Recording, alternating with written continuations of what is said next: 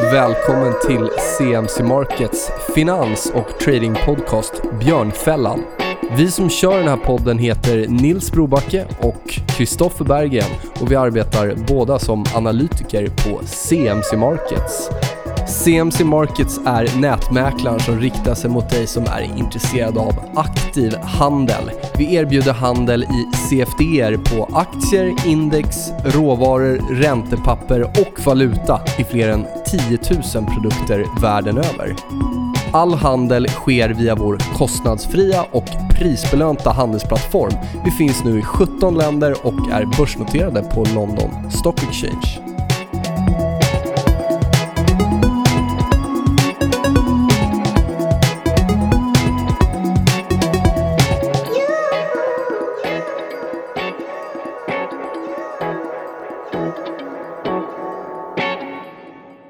Då var det dags att dra igång eh, podden igen efter ett lite längre sommaruppehåll. Det är avsnitt 53. Eh, jag heter Kristoffer Berggren och jag har med mig min kollega... Nils Brobacke, härligt att vara tillbaka. Sommaruppehåll. Jag har haft eh, lite spännande rörelser och mm. vi kommer idag att eh, ja, dels beta av lite marknadsnivåer. Vi kommer mm. komma in på lite intressanta ämnen, eller hur? Ja, vi kommer prata om Italien, vi kommer prata om Spanien, vi kommer prata om Turkiet, vi kommer prata om den svenska kronan. Mycket FX där relaterat ja. till dollarrörelserna och så vidare. Så det har vi, varit lite stökigt. Ja, det finns mycket att prata om där. Och så blir det lite aktiecase här också inför eh, det kommande valet. Lite spännande kandidater där mm. som vi tänkte prata om. Men ska vi dra igång med eh, kolla lite vad som har hänt på marknaden? Intressanta nivåer så här efter sommarens rörelser. Om vi börjar med OMX då.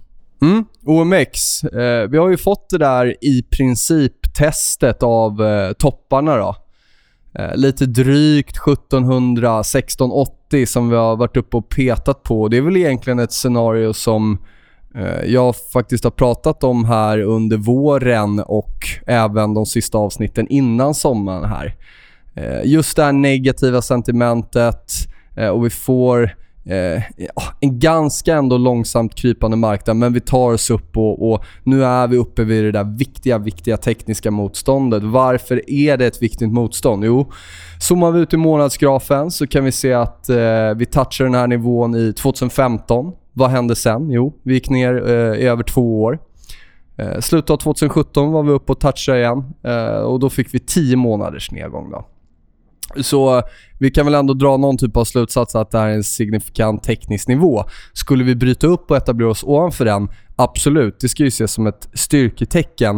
Eh, men jag har nu faktiskt lutat åt ett litet eh, negativare scenario, senast i förra veckan här i eh, DI-TV. Och vi ser att vi har kommit ner några punkter nu. 16.30 i första hand. Viktig skiljelinje enligt teknisk analys. Köpare bör komma in där, annars eh, finns 1590 som enligt mig är sista extremnivån på nedsidan om eh, vi ska fortsätta uppåt här. Tar vi oss under 1590, då ser det inte alls lika trevligt ut. Eh, då ser det snarare ganska, eh, ganska läskigt ut i index skulle jag säga. Och Något jag tycker är värt att notera är att samma personer som ringde och frågade mig eh, om vi skulle få eh, en börskrasch i eh, april, vid aprilbotten. Det är också de som har hört av sig nu här i, eh, i början av hösten, slutet av sommaren och frågat om att är bulltrenden bekräftad nu? Så det där sentimentet återigen tycker jag är det viktigaste att hålla koll på. Eh, vi har haft en rad förvaltare som har suttit på cash och även eh, privatsparare eller handlare som har missat den här senaste uppgången av de olika anledningarna vi pratade om. Eh, så nu är frågan eh, om alla hoppar in här samtidigt. Eh, då finns det absolut ett scenario där vi ska ner en del. Har du några nivåer på OMX som är sådär viktiga alltså, att tänka på eller något ja, annat som vi bör ta hänsyn till? Du nämnde ju där 1680, sen har vi 1720 på uppsidan. Eh, det är väl det jag kommer hålla koll på man ska dra väldigt breda penseldrag. Sen på nedsidan så nämnde du 1590. Jag skulle även vilja ligga till 1490, dock ännu längre ner. Eh, och eh, varför den är intressant är för att det är egentligen trendlinjen från botten efter finanskrisen mm. eh, som möter upp där nere. Men då är det ju exakt 1590 smäller där, då är det 100 punkter ner. Ja. Så det skulle ja. vara ett sånt riktigt risk-off-move då. Exakt. Och där har vi också, jag tror att det är konsolideringsbottnarna från 2017 när det spikade ner lite. Så att den nivån, om det börjar blåsa ordentligt här nu och blir risk-off sentiment, kommer jag hålla koll på. För den blir viktig. För kan ju notera trenden. att det var botten från april också. Ish, 1500. Så ni ser, det går igen de här tekniska nivåerna. Hoppar vi på S&P 500 då, amerikanska börsen. OMX gör ju ingenting helt själv, eh, utan den, den korrelerar ju relativt bra. Men det vi har sett borta i USA, det är ju nya all time highs. Hur många trodde på nya all time highs här i våras? Ja, det var inte många eh, faktiskt. Och vi har nu fått det då. Eh, hur ska all time highs tolkas historiskt sett? Eh, positivt. Eh, jag snodde lite info från eh, Downtown Josh Brown. Och, Mm. eh, vad heter de? Ritz Holt Invest. Ritholds Wealth. Management. De hade kikat lite på Dow, eh, 100 år bakåt i tiden. Dow är den som har bäst historik då. Och där ser man att 1250 all time highs har gjorts sedan dess, 100 år bakåt. Slår vi ut det på ett snitt så är det 12 all time highs per år. Så statist, statistiskt sett så ska ett all time high eh, vara positivt, i alla fall på lång sikt, 3-5 år. Tyvärr är ju då inte börsen linjär då. eh, Men ändå är man alltid, eller man, inte jag absolut Mm. inte jag. Nej, men de, många är sugna på att köpa svaghet snarare än att köpa styrka. Absolut. Men det är mentala faktorer. Men sen är det klart att visst, bara för att sett ut så här historiskt sett så finns det ju massa eh, exempel på när det inte alls har varit så här. Absolut. Så att, och är vi kortsiktiga, eh, liksom aktiva handlare, då, då är det faktiskt ganska ointressant vad ett all time high nu genererar på 3-5 års sikt. Eh, men på lång sikt ska det vara eh, bullish då. Om vi går över på nivåer och sentiment då, då är det i första hand 2800 jag kollar på. Vi har kommit ner lite sen toppen här förra veckan. Eh, jag tror vi handlades kring eh, 2885 eller något när vi gick in här. Men börjar det komma in mer sälj, då är det 2800 på S&P som blir väldigt, väldigt viktig skulle jag eh, säga. Um, ja, är vi egentligen inga andra nivåer där i det korta som jag tittar på? Nej, alltså nivå, jag tänkte inte lägga till något nivåmässigt. Nej. Men det som är intressant är alltså om man bara kollar på S&P månadsgraf så ser den, eh, man kan jämföra med andra stora index också, så ser den, alltså den har gått så extremt kraftigt. Och vi pratade om det här när det blev den här volatilitetssmällen i början av året, att det blev stökigt. Men grejen är den att på två veckor så gick den typ ner 12%, kom tillbaka, sen kom en smäll till och efter det så har den bara fortsatt uppåt. Så att S&P eller den amerikanska marknaden, är ju Jag vet inte. Den är sjukt stark, men det gör mig ändå lite orolig för att det behöver komma tryckare på nedsidan. Nu kom de, men de har inte varit, det har inte varit någon liksom, tid att tala om. Utan smäller på och sen kommer köpare in direkt. Nu kommer inte Fed finnas på samma sätt längre, men Den knäppaste divergensen tycker jag är DAXen ändå. Mm. DAXen är liksom nere och handlas vid lows. Alltså vi pratar när jag gick in här 12 100-ish och, och eh, S&P gjorde nya all time highs förra veckan. Så Mm. vi ser en stor diskrepans där. Självklart exponering mot Turkiet och Ja. det, det är massa andra saker som spelar in. Euro versus dollar och så vidare. Men jag tycker ändå det är något att liksom, ja, fan, det där bör man nog eh, ha ändå i åtanke då. Mm. Nej, men kan det säger- lugna sig i Turkiet och kan eh, euron kanske vakna till lite igen, så då kan det nog finnas en intressant spread kanske mellan då S&P och DAX. Samtidigt så kan det ju bli, om nu S&P börjar sälja av, vad Mm. händer då med Ja, DAXen? nej, det, kan bli, det kan bli blodigt. Man vill ju ofta äga liksom det starkaste kortet Mm. i kortleken och så vidare, kortare svagaste kortet. Så att ja, eh, det är spännande rörelser i index nu och jag håller med dig på S&P om vi zoomar ut så Eh, om vi zoomar ut mycket så... Ja, men det är paraboliskt Ja. i månadsgrafen. Liksom. HYG är något jag alltid gillar att nämna, High Yield Corporate Bond Index. Eh, vi har faktiskt etablerat oss över 86 här under våren, sommaren och, och, och det har sett bra ut och indikerat risk on. Nu fick vi gap ner här i, senast igår eh, och handlas under 86 igen. Så det är återigen en skiljelinje som jag tycker att man bör hålla koll på. Då. Alltså High Yield Corporate Bond Index, eh, 86-nivån där.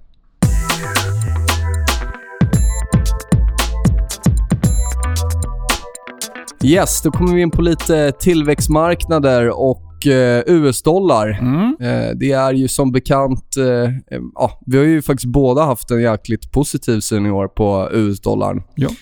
Mot lite olika andra valutor. Och Det vi kan konstatera nu så här efter sommaren är att wow, vilka rörelser vi har fått. Ehm, vi kan väl börja liksom beta av lite. Mm. Vad, vad är det som har hänt? Om vi tar och börjar med den generella, så att säga, synen här. Ja, alltså det har ju blivit lite stökigt på tillväxtmarknader runt om i världen och det beror ju bland annat då på den starka dollarn. Och Anledningen till att stöka på tillväxtmarknaden när man får en starkare dollar det är för att de har en väldigt stor del av sin skuld i dollar. Majoriteten av skulderna är i dollar. Eh, även om man då tittar på andra utländska valutor som de har. Eh, och Det är då obligationer, en stor del av de här skulderna.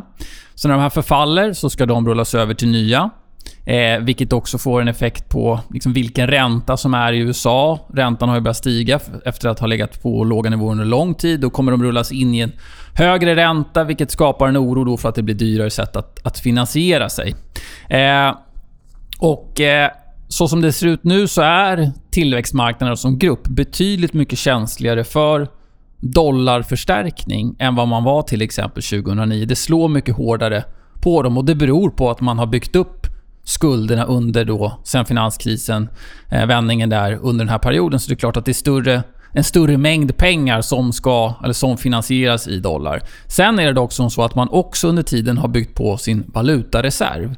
Vilket är positivt om man får en starkare dollar, för då ökar ju valutareserven i värde jämförelse mot den inhemska valutan. Och Vad som händer för en del av de här länderna när de behöver försvara sin valuta, det är att man säljer dollar och köper den inhemska valutan, det vill säga att man tar av valutareserven. Och Det är precis det som Turkiet har gjort. Sen kan vi väl kanske inte säga att det har försvarat valutans värde så mycket, men jag vet inte hur det hade sett ut om man inte hade gjort det. Eh, för Turkiet är det land som har, där valutareserven har minskat mest då, eh, under året. Så där, där, har man varit inne och petat, men som sagt, det har ju, de har fått smaka på det ändå. Eh, tittar vi på de länderna som är mest exponerade mot eller har mest skuld. Och Då tittar vi på liksom valutareserven i relation till dollarskulden och i relation till den totala skulden. Nu är det här data från slutet av 2017, så den har eh, lite, mm, några månader på, på nacken här. Eh, det är från Världsbanken. Men där hittar vi Chile, Argentina, Turkiet, Mexiko och Indonesien. Och ja, Vad har hänt med Argentina? Vad har hänt med Turkiet? De har haft det väldigt tufft. Eh, det är de länderna som så att säga blinkar rött. Sen finns nästa land i Sydafrika och där har det börjat stöka till sig lite. Ja, det har rört sig en del i Saren. Ja, i Saren. eh, den har gått väldigt kraftigt och nu igår tror jag det blev bekräftat att man är inne i recession i landet. Så att de har också problem utöver alltså, tillväxtperspektiv, men också har de en stor risk för valutan i just eh, den här exponeringen som man då har eh, liksom, i sin skuld.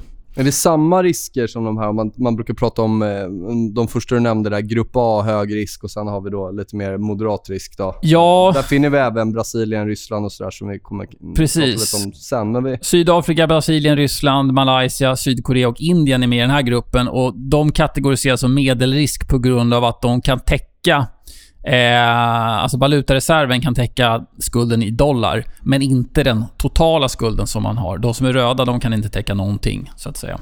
Eh, och Där ligger Sydafrika lite på gränsen, eh, så de får man hålla koll på. Också Brasilien, eh, som är en stor ekonomi, Eh, ligger också lite på, på gränsen där. Och innan vi går in på den tekniska vyn vad gäller dollarn, eh, eventuellt starkare eller svagare dollar, får vi se när vi pratar om det. Men de faktorerna som talar för en starkare dollar i dagsläget, vilket då är negativt för tillväxtmarknader. Dels har vi Fed, balansräkningen som jag pratade om flera gånger tidigare, att man ska montera ner den. Positivt för, eh, för räntan, för det finns ingenting som håller emot eh, när man låter, låter obligationerna förfalla, vilket kan leda till en starkare dollar. Kommande räntehöjningar. Jag tror att marknaden prissätter en till i år och sen så pratas det om fyra nästa år, jag för mig. Dollar positivt ofta. Stöket i Europa. Om det nu blir stökigt kring Italien igen. Eh, eh, Risk-off-scenario, vilket har en tendens att leda till flöden i dollar för att då anses vara safe haven. Och sen har vi handelskriget, som kanske inte ska vara positivt för dollar, jag vet inte. Men det känns ändå som att marknaden eh, ser dollarn som en säkrare plats. Så som det ser ut just nu i alla fall om man tittar på handelskriget. Så det är väl de fundamentala faktorerna som talar för dollarn. Vad, vad, om vi ska kolla den tekniska vyn där. Alltså det vore kul att dra fram de fundamentala anledningarna till varför alla hatade dollar i början av året. För då var det verkligen tvärtom. Alltså det, var, det var supernegativt i dollar när vi satt och pratade om det här i, i februari och så vidare och pratade om att vi... jag hade en, en, började få en positiv på dollarn. Och jag, jag, har svårt, jag har svårt när liksom all, alla som har varit eh, negativa börjar ändra sig. Nu ser vi... Jag tror det senast var Eh, igår såg jag en artikel att nu har även Victoria Silverstedt liksom eh, blivit bullish dollarn och hon var ju superbullad kronan där, där nere vid 7-9. Ja, no, nog om det där, men eh, jag tycker att det ser ut som att de flesta valutaparen med dollar i som jag tittar på har toppat ur. Givet att vi har dollar först i, eh, i paret. Då. Eh, dels eh, så har ju rörelsen varit extremt stark om vi tar de här lite mer exotiska valutorna. Men om vi pratar om till exempel kronan då, så har vi gått 20 mm. Eh, 10% mot euron som du hade mm. som huvudcase. Eh, även mot pundet och yuan. Då. Yuan var ju den som laggade lite. Jag vet att vi pratade om det här i, innan sommaruppehållet. Att den tog lite längre för att komma igång. Men den har verkligen kommit igång nu på slutet också. Då. Eh, men jag tycker nog att sentimentet har varit om. Jag tycker att de tekniska nivåerna försvaras. Så jag sitter faktiskt och tittar på en dollartopp. Är det en lokal eller är det en större trendvändning? Om vi kommer ihåg i början av året så var det ju otroligt mycket prat om the dollar endgame. Eh, och eh, det börjar bli dags för de som har den vyn att dollarn börjar vända ner nu. Så det, det, det är intressanta nivåer, helt klart. Vi kan få en Alltså om vi kollade på eurodollar där uppe vid 1,25 så konsoliderade ju det i vadå, hur många veckor? 6, 7, 8 veckor. Så det är klart mm. att det här kan ju vara en urtoppningsprocess som tar tid. Men eh, nej, för mig börjar risk-rewarden ligga på eh, att vi har satt en topp i dollarn. Då. Och Vi kan väl kort nämna också det här caset med guldet. Då. Guldet har kraschat, silvret har kraschat. Eh, vi passerade faktiskt eh, min långsiktiga bottennivå 1200. Vi var nere på tror jag 1160 som lägst, men nu har vi faktiskt kommit upp och handlas där kring 1200. Eh, och även där då, superbullish eh, sentiment på guldet under egentligen hela våren när den var uppe och handlades vid övre delen av handelsintervallet 1350 och så nu vill ingen ha guld. Så att även det tycker jag talar för en dollartopp. Men det är inte alltid guld korrelerar med dollar, men nu känns det ändå som att det har haft den har liksom haft dollarstyrkan emot sig hela tiden. Marknaden har tolkat det på, vi, på det viset i alla fall. Så kan vi få då en kanske sentimentförändring vad gäller dollarn. Eh, eller rättare sagt riktningsförändring. Sentimentet är väl att man är positiv mm. fortsatt. Så kan man ju få kanske en guld som tar fart. Mm. Och då blir det intressanta med silver. Den där diskrepansen som alla pratade om, den har ju fortsatt men liksom mm. åt fel håll. Alltså silvret har ju tappat ännu mer. Um, så det, jag tror att det blir en jättespännande trade om nu dollarn sätter en topp här. Då vill vi titta på silver, vi vill titta på guld. Eh, oljan är svårare. Eh, den har ju korrelerat med dollarn, det vill säga haft ett positivt momentum. Jag tycker att det ser ut som att vi har återtestat 80 nu i crude Brent och att det räcker där. Det vill säga en svagare dollar framgent skulle då i så fall innebära en svagare, en svagare olja också. Eh, tar vi pundet så ha, tycker jag att det ser ut som att vi försvarar 1,28-nivån. Eh, vi skulle, om vi bryter det skulle det kunna bli en riktigt tråkig resa ner mot 1,20, alltså Brexit-botten. Men jag tycker inte att sentimentet är där för det. Eh, Eurodollarn? Ja, exakt. Eurodollar. 115-nivån där verkar som att den försvaras.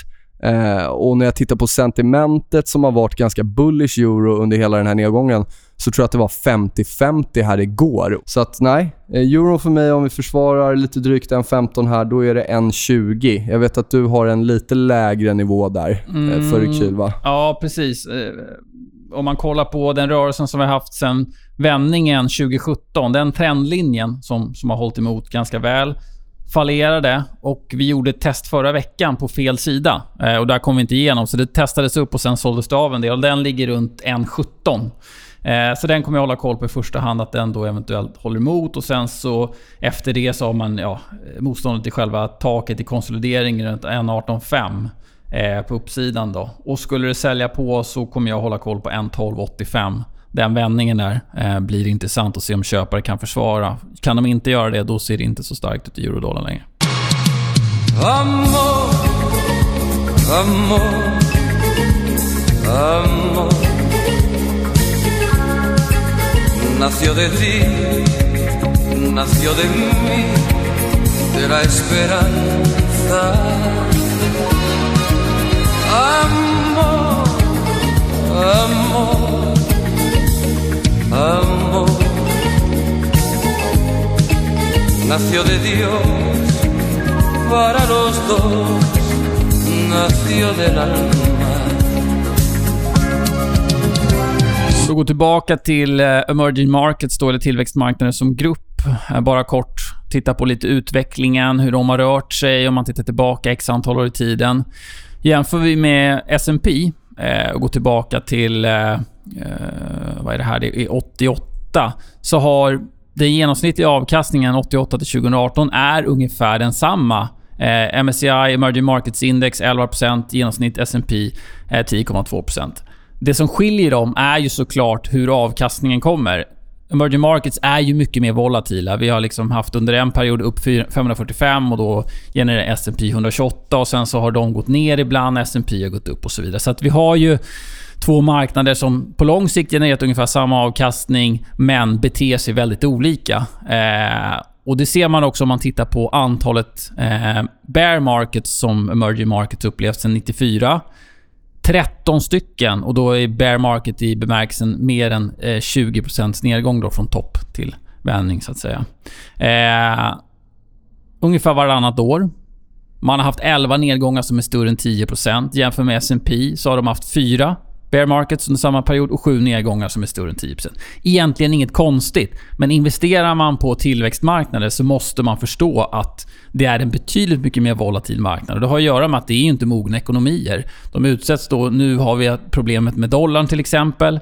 Eh, så det är mycket externa faktorer som kan skapa eh, väldigt stökiga rörelser. Tittar man på den eh, första rutan där som du hade med, det vill säga om vi tittar på hur uppgången har sett ut, emerging markets mot S&P då ser man ju att det, det, är ganska eh, varannan, inte vartannat år, men varannan femårsperiod mm. eller sjuårsperiod. Och det är ganska, ja, ganska linjärt faktiskt. Att det, tittar vi på Eh, från 88 till 93 och 99 till 2007, ja, men då skulle man ha emerging market. Så 94 till 98 och 2008 till 2018, ja, men då var det S&P. Mm. Så ska vi göra det riktigt enkelt för oss, då är det emerging markets play här nu på, i sju Det är många som tycker. Ja. Eh, men de har ju lite så boom-bust-cykler eftersom det är, det, är, ja, det är en del belåning i de här länderna och när det inte går, riktigt går som, som man tänkt sig så smäller det på.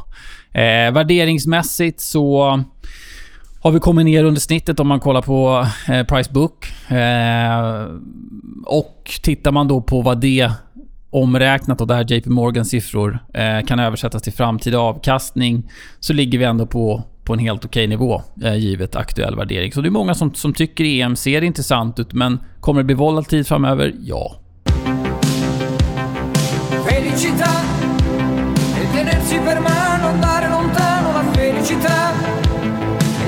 innocente in mezzo alla gente la felicità. E restare vicini come bambini la felicità. Felicità. Felicità. È un cuscino di piume l'acqua del fiume che passa e che va. E la pioggia che scende dietro le tende la felicità. E abbassare la luce per fare pace alla felicità. Felicità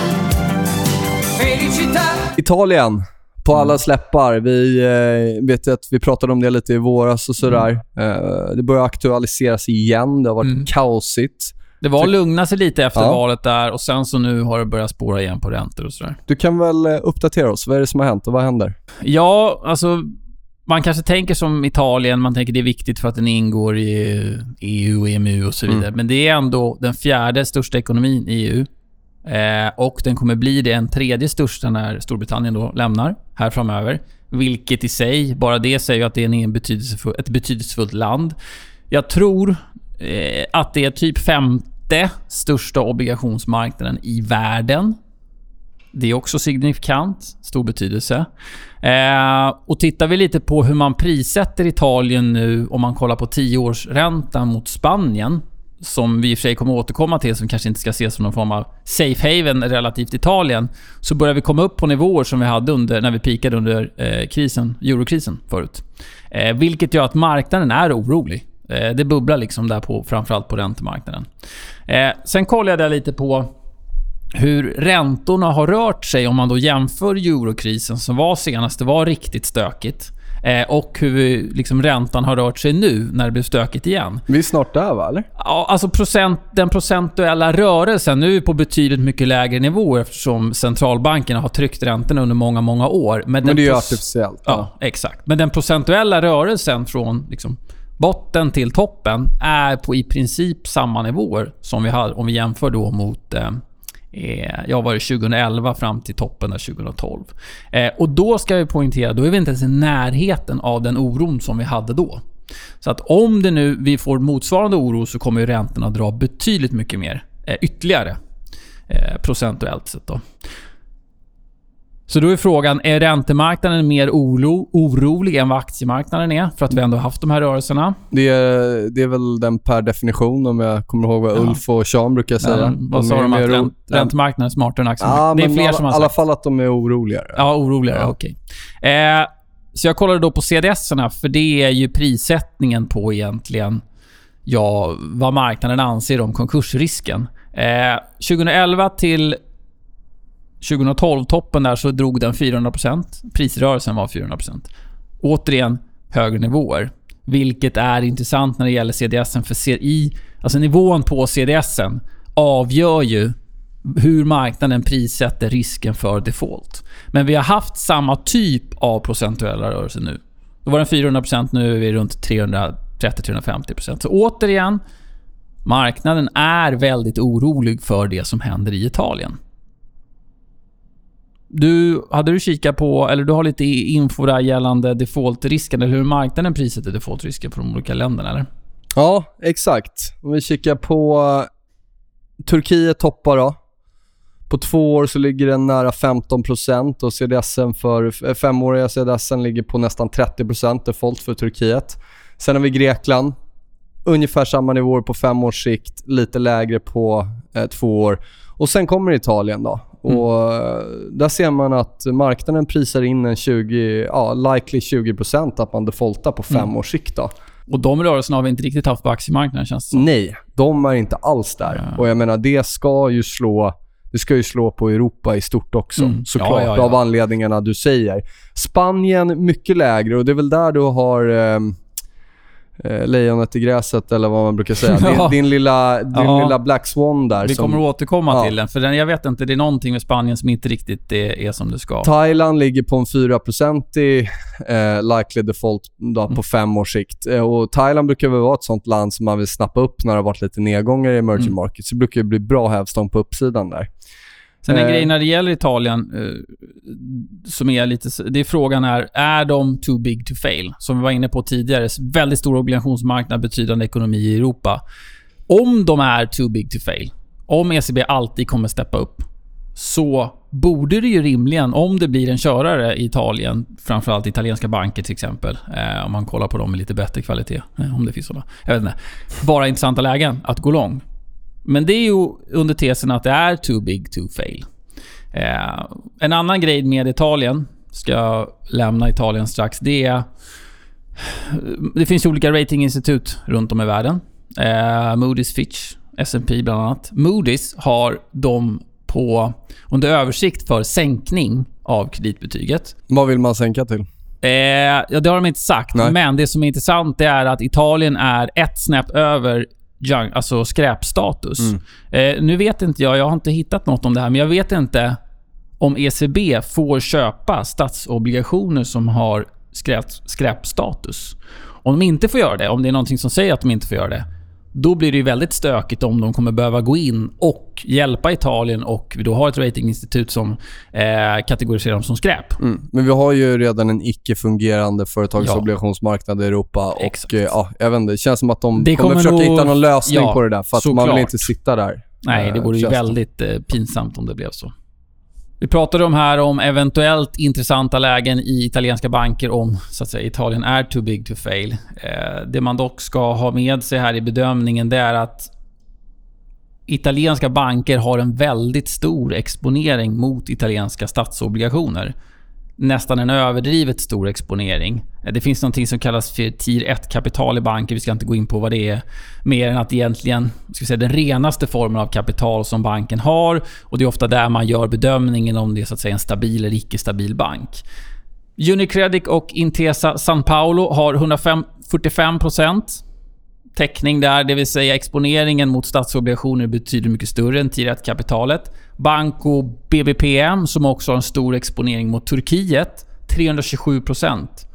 Monte de Bashki di Siena. Mycket bra uttal där om jag får säga det själv. En av 206 världens äldsta banker tror jag. Ja.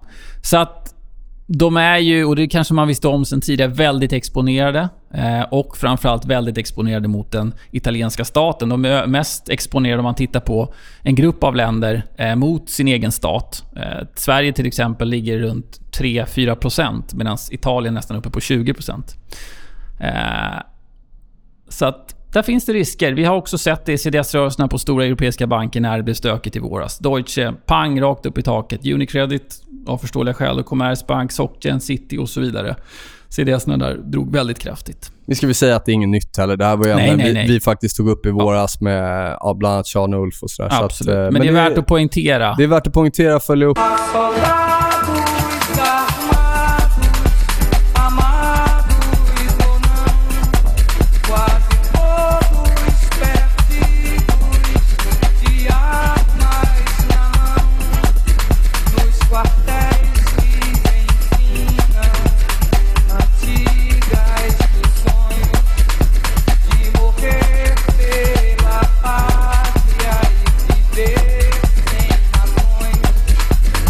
Vi pratade om Spanien och att det kanske var, vad sa du, en tiger i sanden eller ett lejon i gräs? Lejon i gräset. Ja. Men kollar du på emerging markets-exponeringen, då är den ju läskig, den grafen, jämfört med allting annat. Precis. Eh, jag antar att det är det du vill komma in på här. Yes, det är liksom hur eh, de spanska bankernas egna kapital egentligen är exponerade mot känsliga tillväxtmarknader. Och då har man kategoriserat in det Argentina, Brasilien, Chile, Sydafrika, Turkiet och så vidare. Och deras exponering är 160 eller 170 procent. Eh, vilket är extremt mycket mer än de som är på andra plats, vilket är då eh, eurozonen som ligger på runt 20 procent. Sen kommer Japan och så vidare. Så att där är det någonting som inte står rätt till. Sen är Spanien också överlägset mest kategoriserad just mot Argentina. Man har 28 miljarder dollar i argentinska obligationer. USA, som är på andra plats, betydligt mycket större exponi, eh, exponi, ekonomi. 10 miljarder. Även mot Turkiet är man överlägset mest Ja. exponerat. Så att eh, det har inte börjat röra sig i spanska räntor på det sättet som, som det kanske borde göra. Jag vet inte, det här ska man nog hålla lite koll på framöver tycker jag.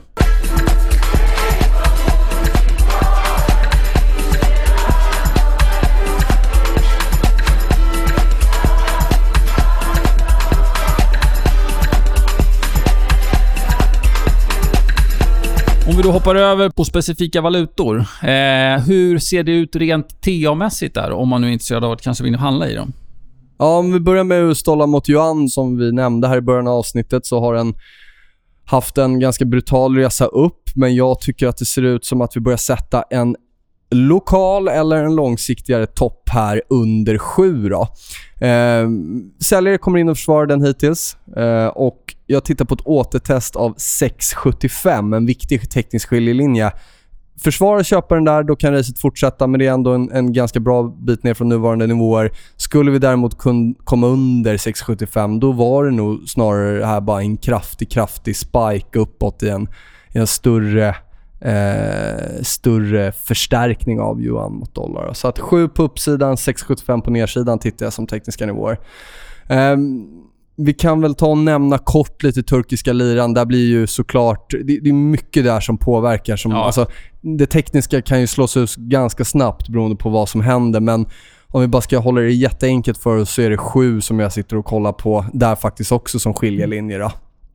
Eh, och har väl egentligen inga kortsiktiga nivåer där. Utan det, det är någonstans... Det enda jag kan tolka är att säljare kom in kraftigt där eh, av säljare av dollar mot turkiska lira och vi hade en parabolisk uppgång i slutet och Mm. det har rört sig 90%. Så att jag vet Ja, inte. det, nej, men det, Ja. den, det kan man säga om alla den här, all den här typen av eh, alltså, valuta är ju att man måste ju ta hänsyn till volatiliteten. Turkiet är en extrem... Eh, de har så 17% inflation och räntan ligger på 17,75 eller så. De kan komma på att de ska höja räntan till 25% imorgon. Så att det, det måste man ha i åtanke. Men det är ändå intressant att ha te och vin. Dollar mot ruben. 70 dollar verkar vara skiljelinjen i teknisk analys. Skulle vi bryta den nivån, och etablera oss över, då skulle vi kunna ta oss till 90, vilket är 2016 års topp. Men jag lutar nog snarare, återigen, mot att dollarn har toppat här. Så jag håller koll på den 70-nivån eh, mot ruben. Kom igen nu Britt-Marie, kör för fan! Kom igen nu Britt-Marie, kör för fan! Ska vi prata lite SEK då? Eh, så här direkt efter eh, valutor och tillväxtmarknaden. Det kanske är rätt, för det, som det känns nu så nästan som att marknaden prissätter SEKen som en tillväxtmar- eh, tillväxtvaluta. Jag vet inte, men den har haft det riktigt tufft i år. Eh, jag såg någon tabell här om det var förra veckan. Eh, inte så här jättesmickrande. Andra valutor som vi klumpades ihop med. Eh, det var ju Ruben, det var Randen, det var eh, Realen, det var Liran, det var Peson och så vidare på den här topplistan. Nu hade inte Sverige tappat lika mycket, men vi var ner då vid den här tidpunkten runt 11-12%. Eh, kollar vi då på vad det eventuellt är som har gjort eh, kronan så svag. Eh, under, ur ett fundamentalt perspektiv så har vi ju, som ni alla vet, Riksbanken som fortfarande håller på och härjar och som fortfarande håller räntan extremt låg för att få fart på sin inflation som är nu som är extremt kära i. Eh, jag vet inte om man liksom... Blev man bränd sist vi höjde för tidigt efter finanskrisen? För vi höjde 2010 har jag för mig och sen så började man sänka direkt. Jag vet inte, men de är maniska och det känner alla till. Eh, Bostadsmarknaden. ja, skapar väl kanske viss oro från internationella placerare. Jag vet inte, det har inte smält på där ordentligt än, men det kan ju göra att eh, man håller sig borta. Eh, valet kan också vara en, en bidragande orsak, men det, det som ska få det att verkligen sälja på då, det är ju om det blir väldigt stökigt och det går inte att bilda någon form av regering och det bara blir ett, ett kaos efteråt. Det kan spilla över på seken, men jag tror inte man ska för, dra för stora växlar. Valet kontra svaga seken som vi har haft. Nej, men det är också... Jag menar, det blir ju så här. Nu, nu kan alla sitta och räkna upp de här fundamentala orsakerna Ja, för kronan är så svag.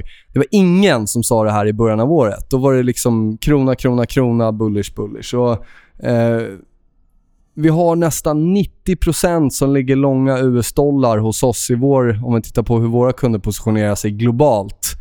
Eh, lång mot kronan efter en uppgång på 20%. Återigen, jag vill inte vara taskig, men nu har vi liksom Silverstedt som kommer ut och berättar att dollarn är Eh, och det, det är inget där specifikt mot henne, utan det är bara, det är bara liksom det här sentimentet som vänder om. Det är samma jäkla personer som är, gnäller på svag krona och att den ska gå åt helvete nu som det var som, gnällde, eller som pratade om att den var så stark i början av året. Eh, Och valet som du säger, jag, jag ser faktiskt inte att det ska bli något liksom någon galen förändring som gör att den svenska kronan ska krascha ännu mer. Ja, ska Vänsterpartiet få 40%? Nej, det kommer de Nej. inte få. Eh, Jag tror att eh, även om det blir ett splittrat val och svårt att bilda regering så kommer det inte bli en regering som eh, ja, liksom, det, det, det ska inte bli såna typer av förändringar. Jag ser inte det. Jag tycker, jag tycker att rörelsen har kommit och eh, för alla som liksom tar ett gigantiskt späck kort kronan här innan valet ska man nog fundera både en och två gånger om, om, eh, om man kan tåla en sån typ av short squeeze som det kan bli åt andra hållet. Då. mm. Men det är klart, bryter vi 9-2 och sticker upp mot 10 spänn och det eskalerar, ja, alltså det kan ju gå hur långt som helst. Det, Mm. det vet vi ju, men jag tycker inte sentimentet är där och jag tycker inte det tekniska heller är där. Nej. Och vi har ju topparna från 2009-2016 eh, som inte är allt för långt upp. Eh, men som var inne på, om det nu är så att man börjar kategorisera om eh, Sverige och inte ser det som någon form av tillväxtvaluta så borde det kunna komma en rekyl. Alltså att vi säljer på ner lite och då, då se, håller jag koll på eh, positiva trendlinjen runt Mm. 9. Fallerar den 8,55 nivån Mm. håller jag koll på. Gamla tekniska nivåer Ja. som var aktuella i våras. Så tar vi Eurosec så ser vi att vi verkar sätta en dubbeltopp Mm. runt 10,5, 10,7 eller vad det kan vara. Så att ungefär samma scenario där.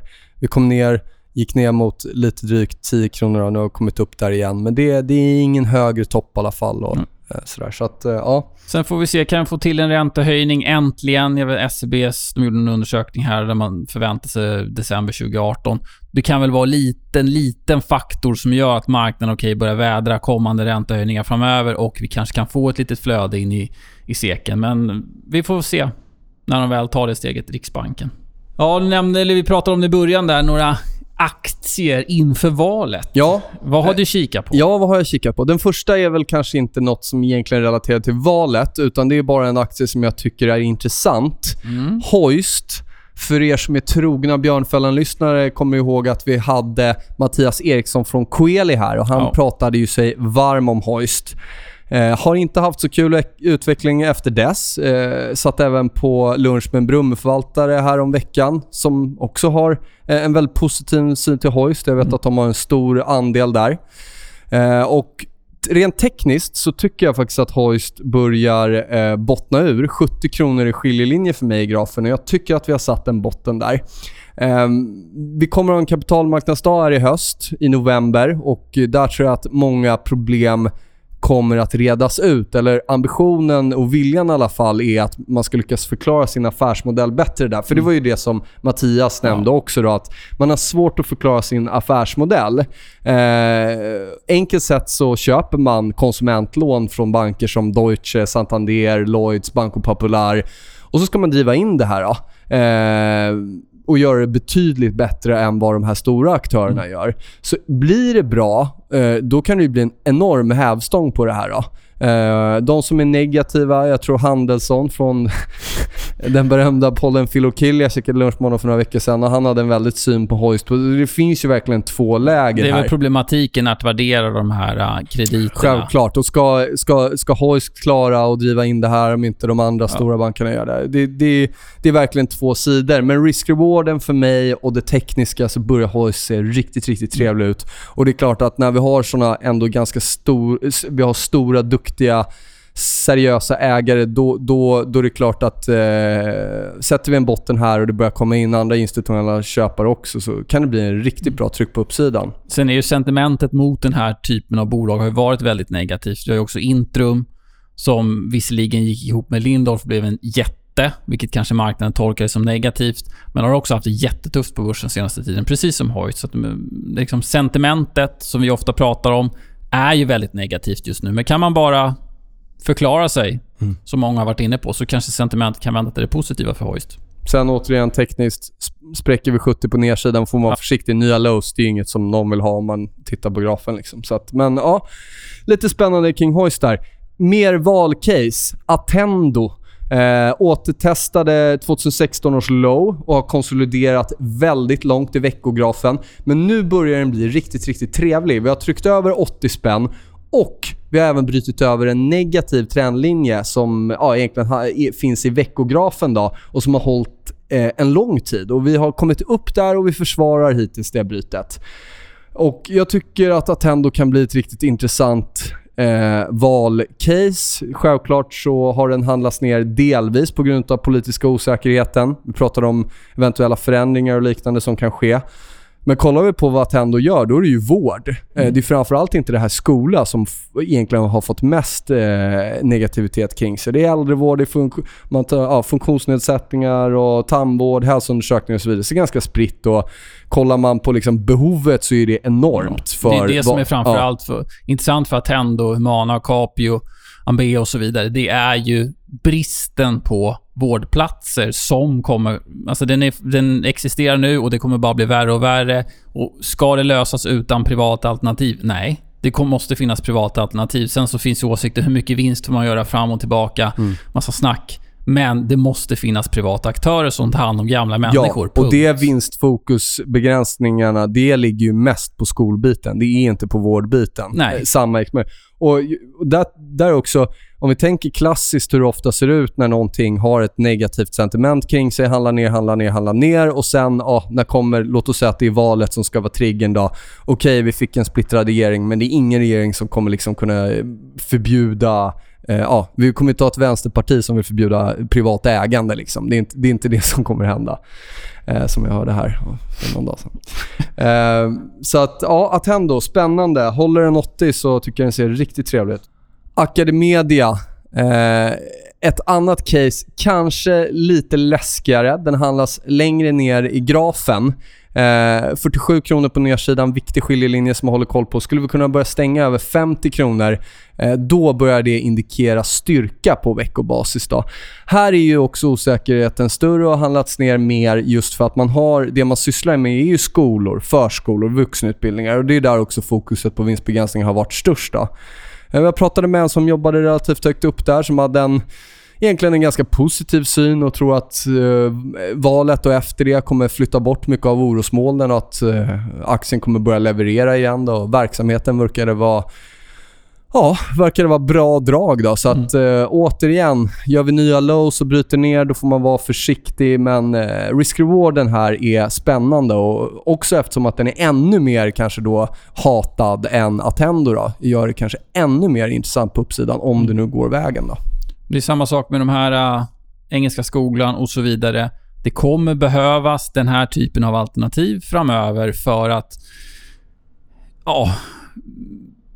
Om man nu kan se det som att privata alternativ kanske har en möjlighet att ge bättre utbildning, jag vet inte. Men jag tror inte bara man kommer nöja sig med kommunala skolor framöver. För det kommer behövas platser, det kommer behövas kanske viss kvalitetshöjning på utbildning etc. Ser man på testresultat och sådär. Då kommer det vara allt intressant alternativ med privata skolor. Om det sen blir Academedia eller Engelska skolan som blir vinnare, jag vet inte, men det kommer vara ett intressant tillväxtcase framöver.